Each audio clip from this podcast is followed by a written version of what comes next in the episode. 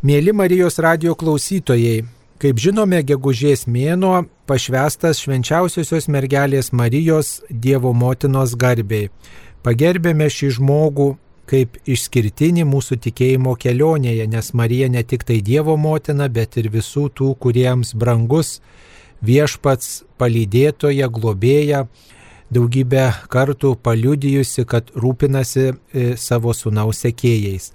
Pagerbėme Mariją kaip karalienę ir jai taikome įvairius titulus, tačiau prisimename ir tuos žmonės, kurie brangino švenčiausią mergelę Mariją ir visam mūsų gyvenimui liko pamaldumo ženklais.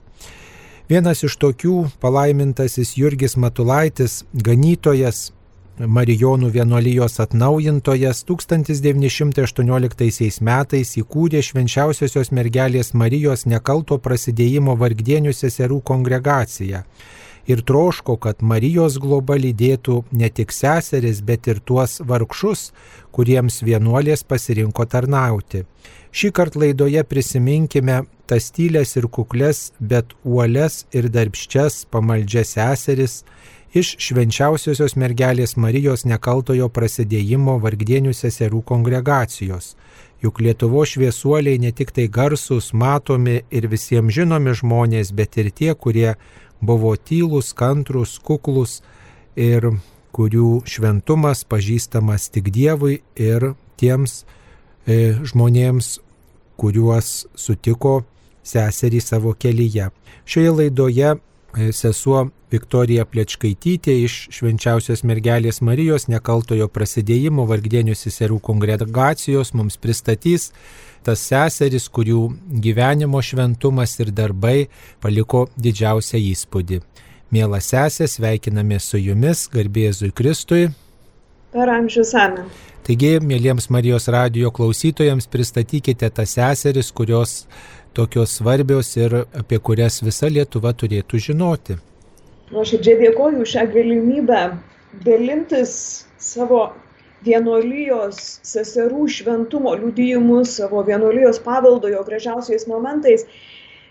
Aiškiai suvokiu, kad pasidalinimas bus ir mano asmeninis. Ir todėl gali būti, kad šiek tiek subjektivus, galbūt kažkuri kita mano vienuolijos sesuo pakviesta kalbėti apie mūsų vienuolijos seseris būtų parinkusi kitus vardus ir veidus nes jų tikrai yra. Kaip kunigė Sauliau sakė, tai įvada, nesam nieko ypatingos. Tikrai visos be išimties esam visiškai paprastos, kasdieniškos moterys, bet viešpats daro savo darbus ir darė visuomet nuo vienuolijos pradžios per mūsų paprastumą ir kasdieniškumą, per kiekvienos sesers. Iš tikrųjų, tai bet kurią iš tų jau dabar daugiau negu pusantro šimto keliavusių į amžinybę ir esančių čia žemėje iš tikrųjų dar gerokai daugiau sumažinau skaičių vienaip ar kitaip iš viso mūsų gausaus būrio šiandieną ir amžinybėje ir čia žemėje bet kurią galima būtų apibūdinti bet kurią pristatyti bet tiesiog pati sau galvodama rinkdama tuos vardus vėl iš naujo mąstydama vienuolijos tikrovę visų pirma pagalvojau apie tai koks tas mūsų santykis yra su mergele marija ką mums steigėjas ypatingai įdėjo ir kodėl kodėl būtent tas seserį šiandien noriu prakalbint, kurias noriu prakalbint.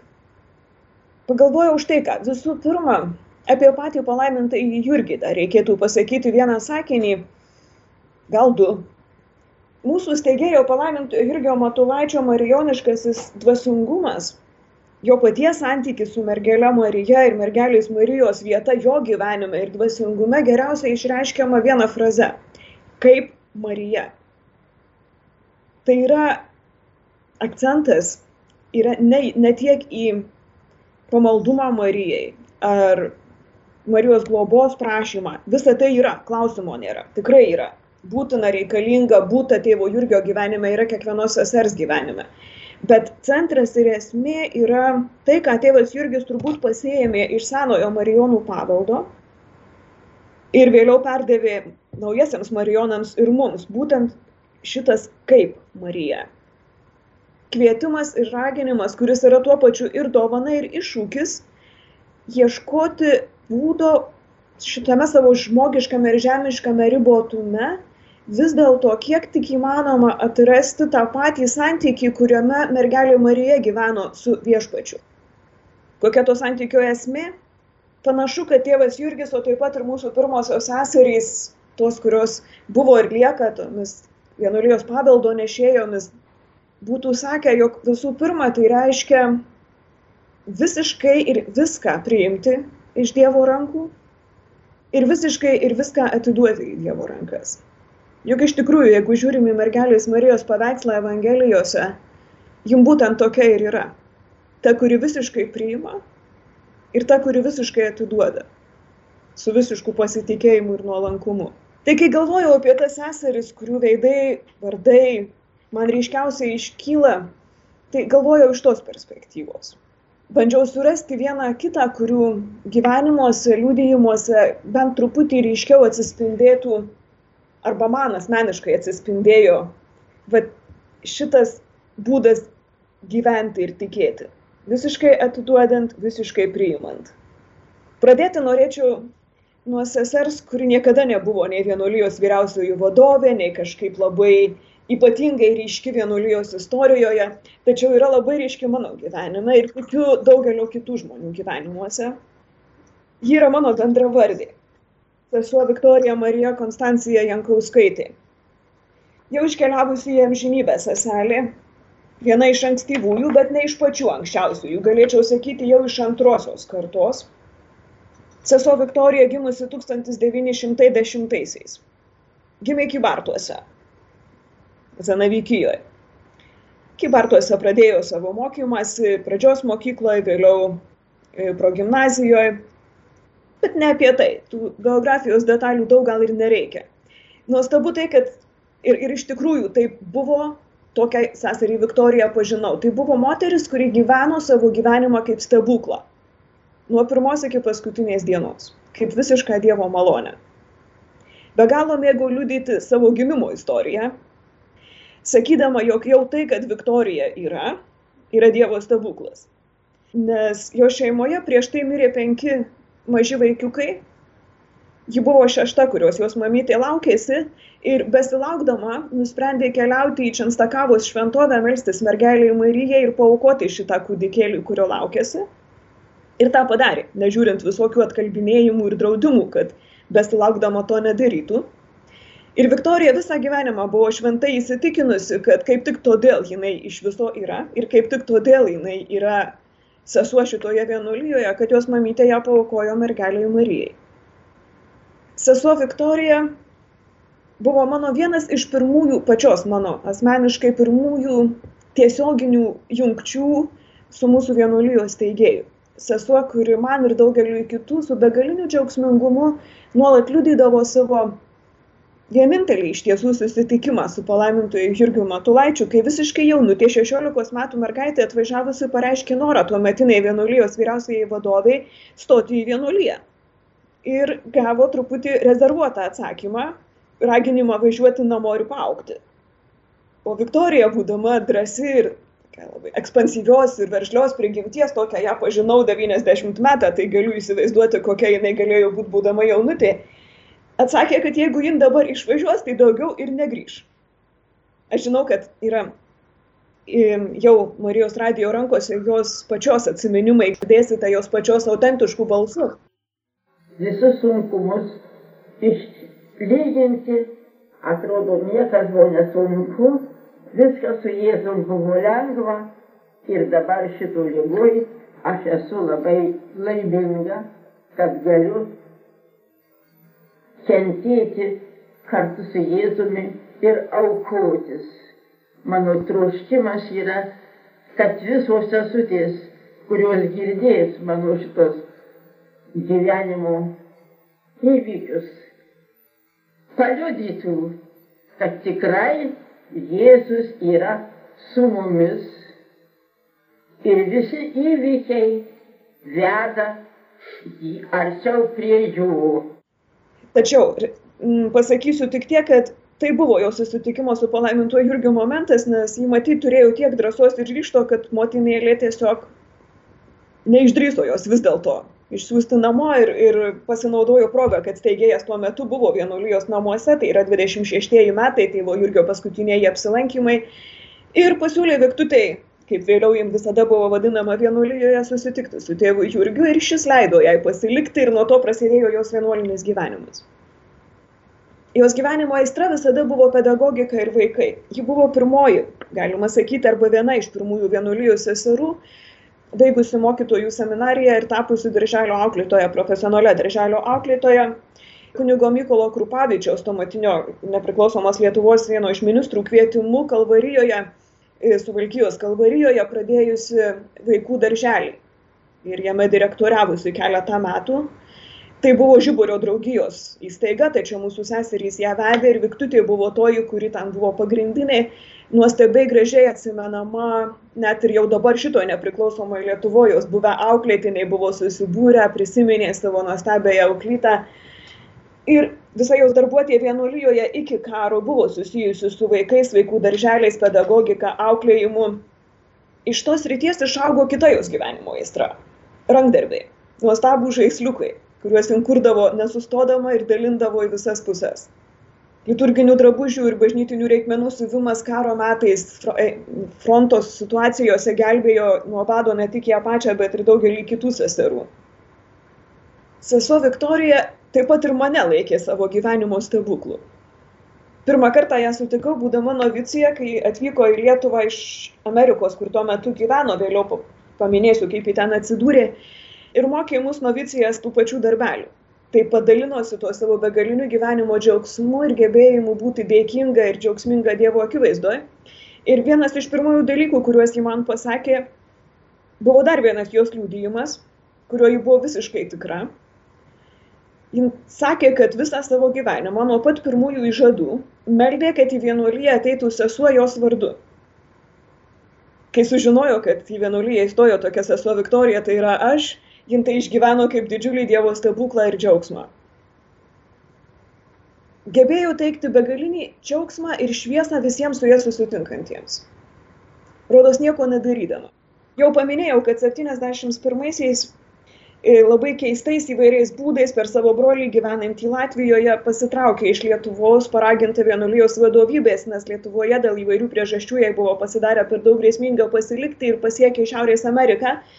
Mūsų vienuolyno namus Patname, kur gyveno gana ilgą laiką ir taip pat džiugino aplinkinius ir savo ugdomojo auklėjamojų darbų vasaros stovyklose ir įvairiausiose kitose situacijose ir savo darbeliais, rankdarbiais, mesgimais, siuviniais, kurie sudarydavo vieną iš centrinių tokių momentų garsiojoje vasaro, lietuvių vasaros susivienijimo šventėje, kuri kiekvieną vasarą suburdavo E, būrius išeivijos lietuvių į mūsų vienuolyje, vadinamą pikniką.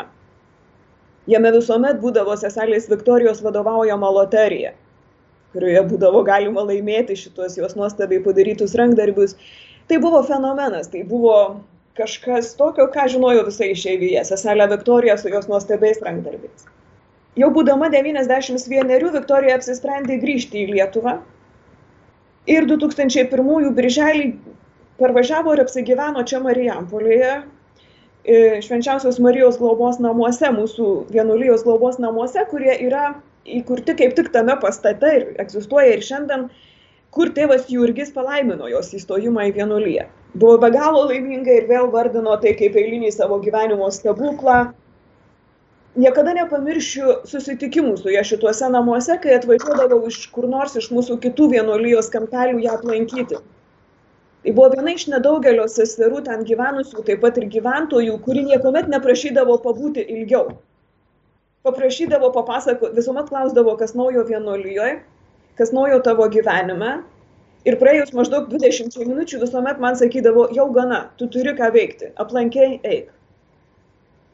Pamenu paskutinį, beveik paskutinį mūsų susitikimą, kai dėl kažko pasiguodžiau. Nepamenu, kas ten tuomet buvo tokio, dėl ko norėjau pasiguosti ir pasidalinti, bet visada labai nuoširdžiai su ja pasikalbėdavau apie daugelį dalykų, apie savo pačios pašaukimo klausimus ir išgyvenimus, apie vienuolijos rūpeščius. Ta kartą į mano pasiguodimą atsakė tokia fraze, kurią nešiojuosi iki šiol. Ji ne visai lietuviška, bet tas nesvarbu. Tuomet Viktutė pasakė, atsimink, kad visuomet yra kas už tave dežiūruoja. Aiškiai žinojau, ką jis sako, taip, jinai, jinai visada buvo ta, kuri meldėsi už mane, kuri meldėsi už daugybę kitų jaunų seserų ir, ir, ir pasauliečių, su kuriais susitikdavo. Ne tik meldėsi, aukojo savo kančią, nes didžiąją dalį savo senatvės praleido arba lovoje, arba invalido vežimėlėje, ir, arba sunkiai vaikščiodamas su po klubo lūžio. Ir tuomet jau grįžusi į Lietuvą, būdama 90, apvažiavo dešimtis darželių, mokyklų, bibliotekų, grupių grupės mokydama savo rankdarbių ir visus juos uždegdama savo nuostabę šypseną ir, ir džiugaujančių veidų, nežiūrint savo negalios ir senatvės.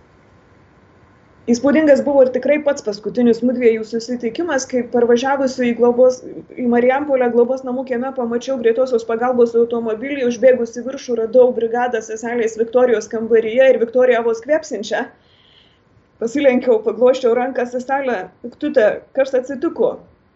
O ji nusišypsojo savo įprastų būdų ir taip tyliai, tyliai, ligonio balseliu man sako, seselė, dariau repeticiją, bet dar ne, nepavyko. Tai buvo jo santykis su amžinybė, tai buvo jo santykis su mirtim. Sakantį kartą atvažiavau jau į jos laidotuvės niekada nepamiršiu jausmo, kurį patyriau įžengusi tų pačių globos namų koplyčią. Niekada gyvenime nei prieš tai, nei po to nesu to išgyvenus, bet nebuvo kito žodžio, kuriuo būčiau galėjus tai pasakyti - Velykos. Sesuo Veronika Marija Kazimiera Beišytė. Jau kita karta, sovietmečio karta, pasakykime taip, nors dar gimusi ji nepriklausomoje Lietuvoje, 26 kovo 6 tačiau į vienuoliją atėjo jau sovietmetį. Pirmosius įžadus davė 50-aisiais, o amžinuosius 55-ais tikrai tokio juodžiausio, sunkiausio persekiojimo metais. Yra išlikęs didžiulis jos rašytinis palikimas, labai įvairiopas, labai spalvingas, atsiminimų pavydalu, dienoraščių pavydalu, taip pat yra jos poezijos. Tikiu, kad galbūt dalį jos vieną kitą fragmentą iš jos rašytinio palikimo šioje laidoje taip pat išgirsite.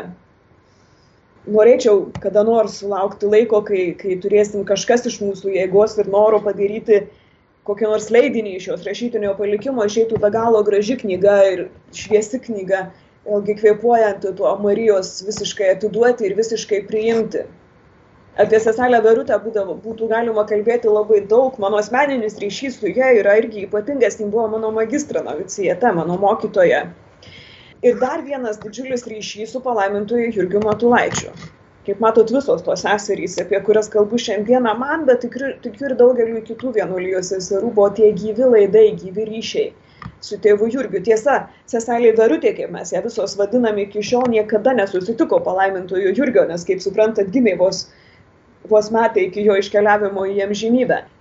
Tačiau turėjau begalinę meilę steigėjui ir iš tų pirmųjų seserų, kurios savo akimis buvo mačiusios tėvą Jurgijų su juo bendravusios, buvo perėmusi tą šiltą, gyvą širdies santykį su juo.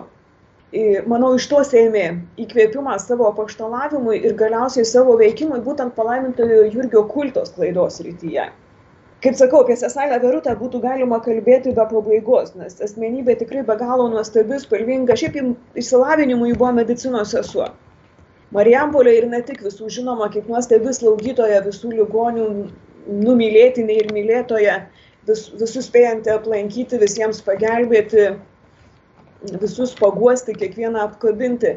Bet šiandien gal ne visai apie tai. Galvoju apie du momentus. Visų pirma, apie 70-uosius seselė Verutė pradėjo be galo, žinoma, ir draugė su kitom seserim, bet panašu, kad ji buvo vėliavnešė be galo aktyvaus vienuolijos pogrindinio veikimo. Iki tų 70-ųjų suprantama, kad buvo žymiai daugiau baimės, žymiai daugiau negalėjimo, žymiai daugiau pasimetimo. 70-ieji buvo tas momentas, ypatingai 71-ieji arkivyskupo Jurgio šimtosios gimimo metinės buvo tas momentas, kuris išjudino vienuolyje su seserimi Verutė prieš akiją išeiti į drąsesnį veikimą, drąsesnę darbuotę, kurios pirmas toks ap, apčiuopiamas taškas, sakytum, ir buvo tėvo Jurgio mirties metinių minėjimai tuometiniam kapsuke sausio 27 arba geriau sakant šeštadienis po sausio 27-osios, kai Verutė ir, su savomis ir kitų vienuolijų seserimis pradėjo burti jaunimą Marijampolėje palaimintojo Jurgio minėjimui. Palaipsniui per keletą metų išsivystė labai gyva tradicija, suvažiuodavo visai nemažai jaunimo, būdavo kviečiami pogrindyje aktyviai dirbantys kunigai, kurie skaitydavo konferencijas, aukodavo mišes, aišku, viskas tyliai, viskas pogrindyje, viskas slaptai, visada vakaro mišiuose, jokių būdų ne dienos metu. Kartu paraleliai tuomet brendo ir tokių jaunimo ir šeimų grupelių judėjimas. Visų pirma, pati Verutė darbavosi su, tokiomis, su tokia jaunimo ir šeimų grupelė Marijampolėje, bet kartu drąsino ir kitas seseris kitose vietose, kaip seserį Irena Jasulytė girdžiuose ir, ir eilę kitų seserų burti tokias jaunimo grupelės, aišku, seseris Rumbonyse, Lytuje. Marijampolėje šitai šeimų judėjimas vėlgi vystėsi ir atrado savas tradicijas, pavyzdžiui, naujųjų metų nakties šventimą. Akivaizdu, kad sovietmetyje naujųjų metų naktis buvo tas momentas, kai susiburti didesniam būriui žmonių buvo nekeista. Na, tai buvo normalu švesti naujuosius metus. Tai seselė Verutė ir kitos seserys Marijampolėje sukviesdavo tokias tikrai ištikimas katalikiškas krikščioniškas šeimas kartu švesti naujuosius metus. Ta proga vėlgi kviesdavo pogrindininkus kunigus, kurie skaitydavo konferencijas dvasinio augdymo temomis. Jaunimas ruoždavo dvasinės religinės programas. Šalia to žinoma, visuomet būdavo ir pasilinksminimai, būdavo ir, ir džiaugsmingoji dalis. Ir tokiu būdu vyko tikrai intensyvus, aktyvus darbas krikščioniško šeimų ugdymo darbus. Visi tie susitikimai, beje, aišku, ir vykdavo šeimų namuose. Vieną kartą vienuose, kitą kartą kituose. Nebe rizikos, nebe iššūkių, nebe saugumo įsikišimų, visko buvo. Vis dėlto tas judėjimas nenutrūko. Tęsėsi sausio 27-ųjų suvažiavimai Marijampolėje. Atsirado išvykos. Seselė Verutė ir kitos, ir kitos su savo jaunimo ar šeimų grupelė ir kitos jaunimo grupelės pradėjo važinėti į vietas, kur, pavyzdžiui, kur įvykdavo švenčiausiojo sakramento išniekinimas. Jaunimas važiuodavo melstis, užtarimo melsti toms vietoms. Važiuodavo jie pleistis koplytėlės ir bažnytėlės, atimtas iš parapijų ir iš bažnyčios žinios sovietų apgrautas arba po karo likusias apgrautas, jas tvarkyti, švarinti ir tai tom progom vėlgi susitikdavo su šviesiausiais tuo metu Lietuvos kunigais, kad ten gautų kur nors ant kokios nors pievelės viduryje, ar ant kalnelio, ar ant suolelio, geras paskaitas, geras konferencijas dvasinio ugdymo temomis. Taigi seselė Darutė buvo viso šito judėjimo vėliavnešys. Niekas nebūtų apie tai labai ir pagalvojęs, kas jos iš tikrųjų arti nepažinojo. Matydavom čia Marijampoliai, taip pat ir aš savo vaikystėje prisimenu, mažutę lieknutę su rankinė, visuomet su didoka rankinė po pažaščia, visada skubančią, bėgančią, slaugytoja, seselė.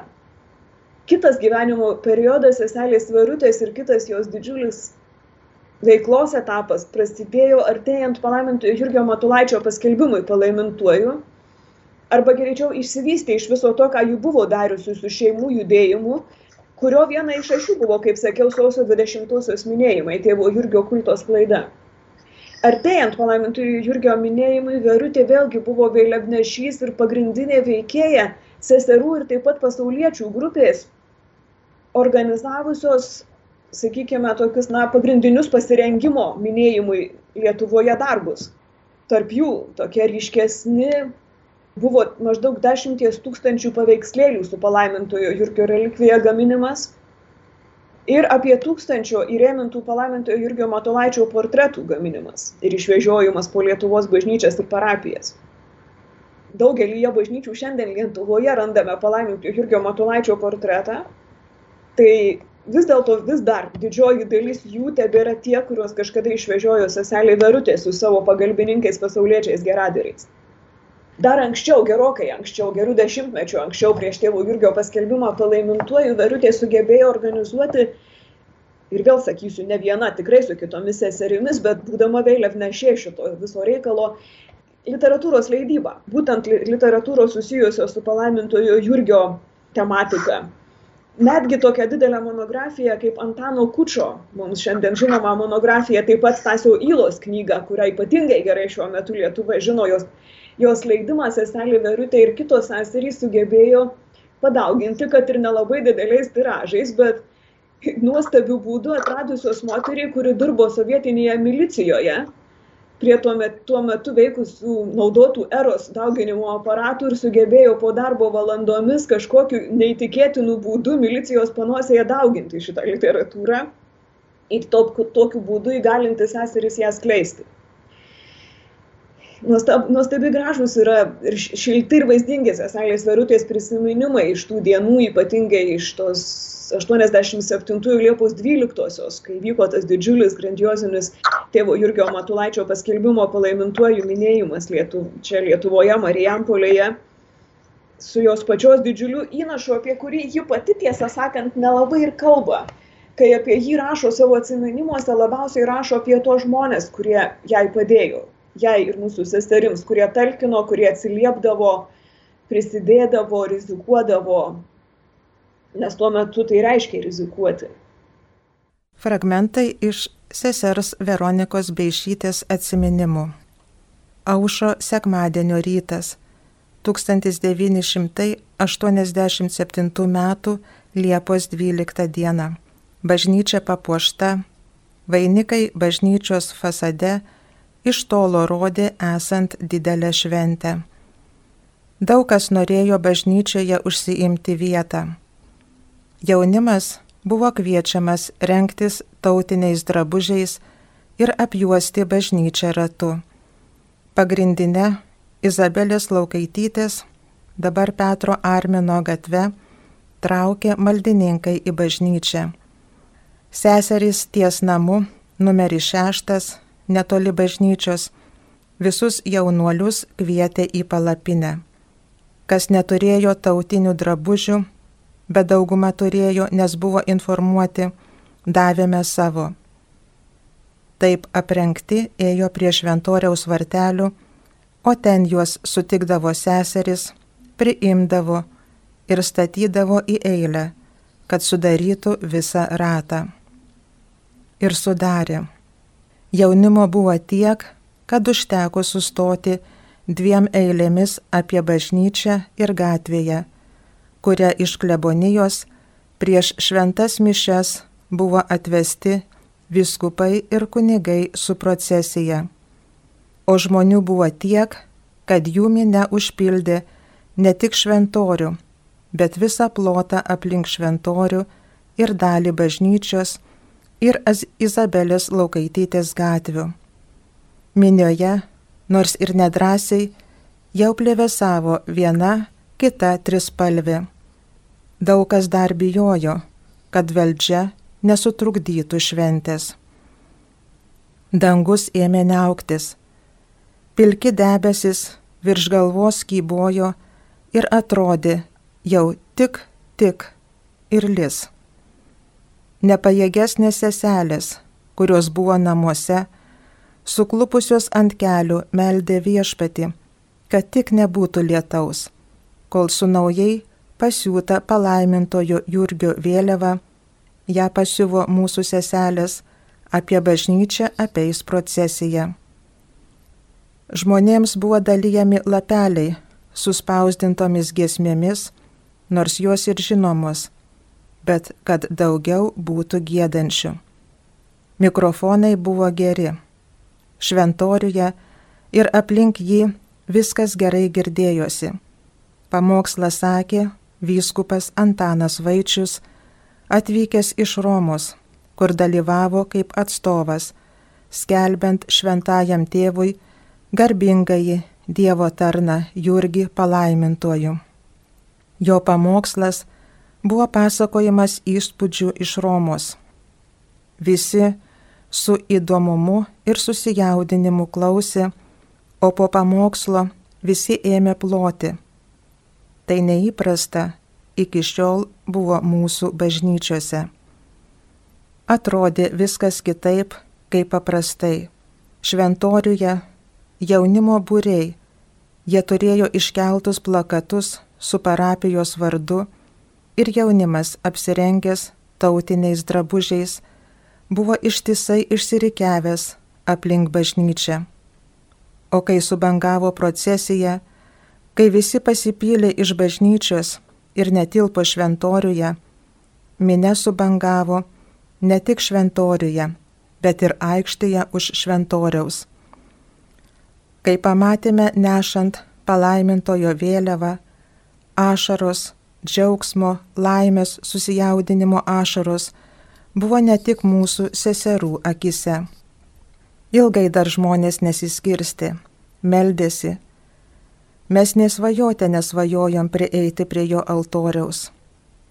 Jau iš vakaro žmonės nuo koplyčios pradžios iki altoriaus pradėjo eiti keliais. Po šventų mišių mes trise dalyjome žmonėms paveikslėlius su palaimintojo relikvijomis. Jie buvo pagaminti mūsų seserų. Turėjome paveikslėlius rankinėse. Kai pamatė žmonės, manėm, kad gyvos neliksim. Minė mus spaudė, tiesė rankas ir maldaudami šaukė. Man, man, paėmė vieną maldavo, aš turiu ligonę, kita, aš noriu mamai. Sunku buvo atsilaikyti nedavus. O šventoriuje apie mus buvo tokia spūstis, kad net viena senutė parpuolė žemėn. Bet ji nieko nepaisydama, tik džiaugiasi, kad gavo paveikslėlį. Truputį per daug išdalijome, dar turėjo jų likti iš dešimties tūkstančių. Daug turėjom dar kam duoti, daug kam dovanoti. Bet kas galėjo atsilaikyti prieš ištiestų rankų jūrą, kurios prašė ne pinigo, ne valgio, o šventojo, šventojo relikvijų. Žmonės privežė kalnus gėlių. Rytojaus dieną radome šventoriuje pagal tvorą sukrautas kupetas gražiausių, brangiausių gėlių. Po arkivyskupo Jurgio Matulaičio paskelbimo palaimintojų ėmė iš visur plūsti žmonės. Važiavo autobusais ekskursijos su kunigais ir jaunimu. Tada tikrai pamatėme, kiek reikia paveikslėlių, bet mes turėjom jų, tik be relikvijų. Ir šiuos paveikslėlius taip pat su dėkingumu visi ėmė. Visa Lietuva sujudėjo. Daug kas tik dabar pažino palaimintąjį Jurgį. Daug kur kunigai savo parapijuose darė minėjimus, iškilbingai kabino paveikslus, kurie buvo mūsų išdalyti visoms parapijoms.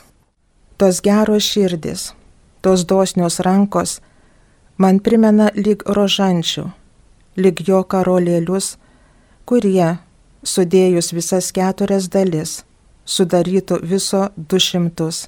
Taip ir tų gerų žmonių buvo nemažiau kaip tų rožančiaus karolėlių, kurie vežė jaunimą, kur reikėjo, vyko, kada buvo pakviesti, džiaugiasi gali patarnauti ir suprato, jog tai darė dėl Dievo karalystės ir jo teisybės. Kartais galvodavau, kaip keista, kad jie klauso, kada juos pakviečiu, vyksta į tolimiausius Lietuvos kampelius be užmokesčio, be atlyginimo, suprasdami, kad žemėje ne tai svarbiausia. Norėčiau aš jiems, jums, padovanoti vieną įvykusi gyvenimo džiaugsmą.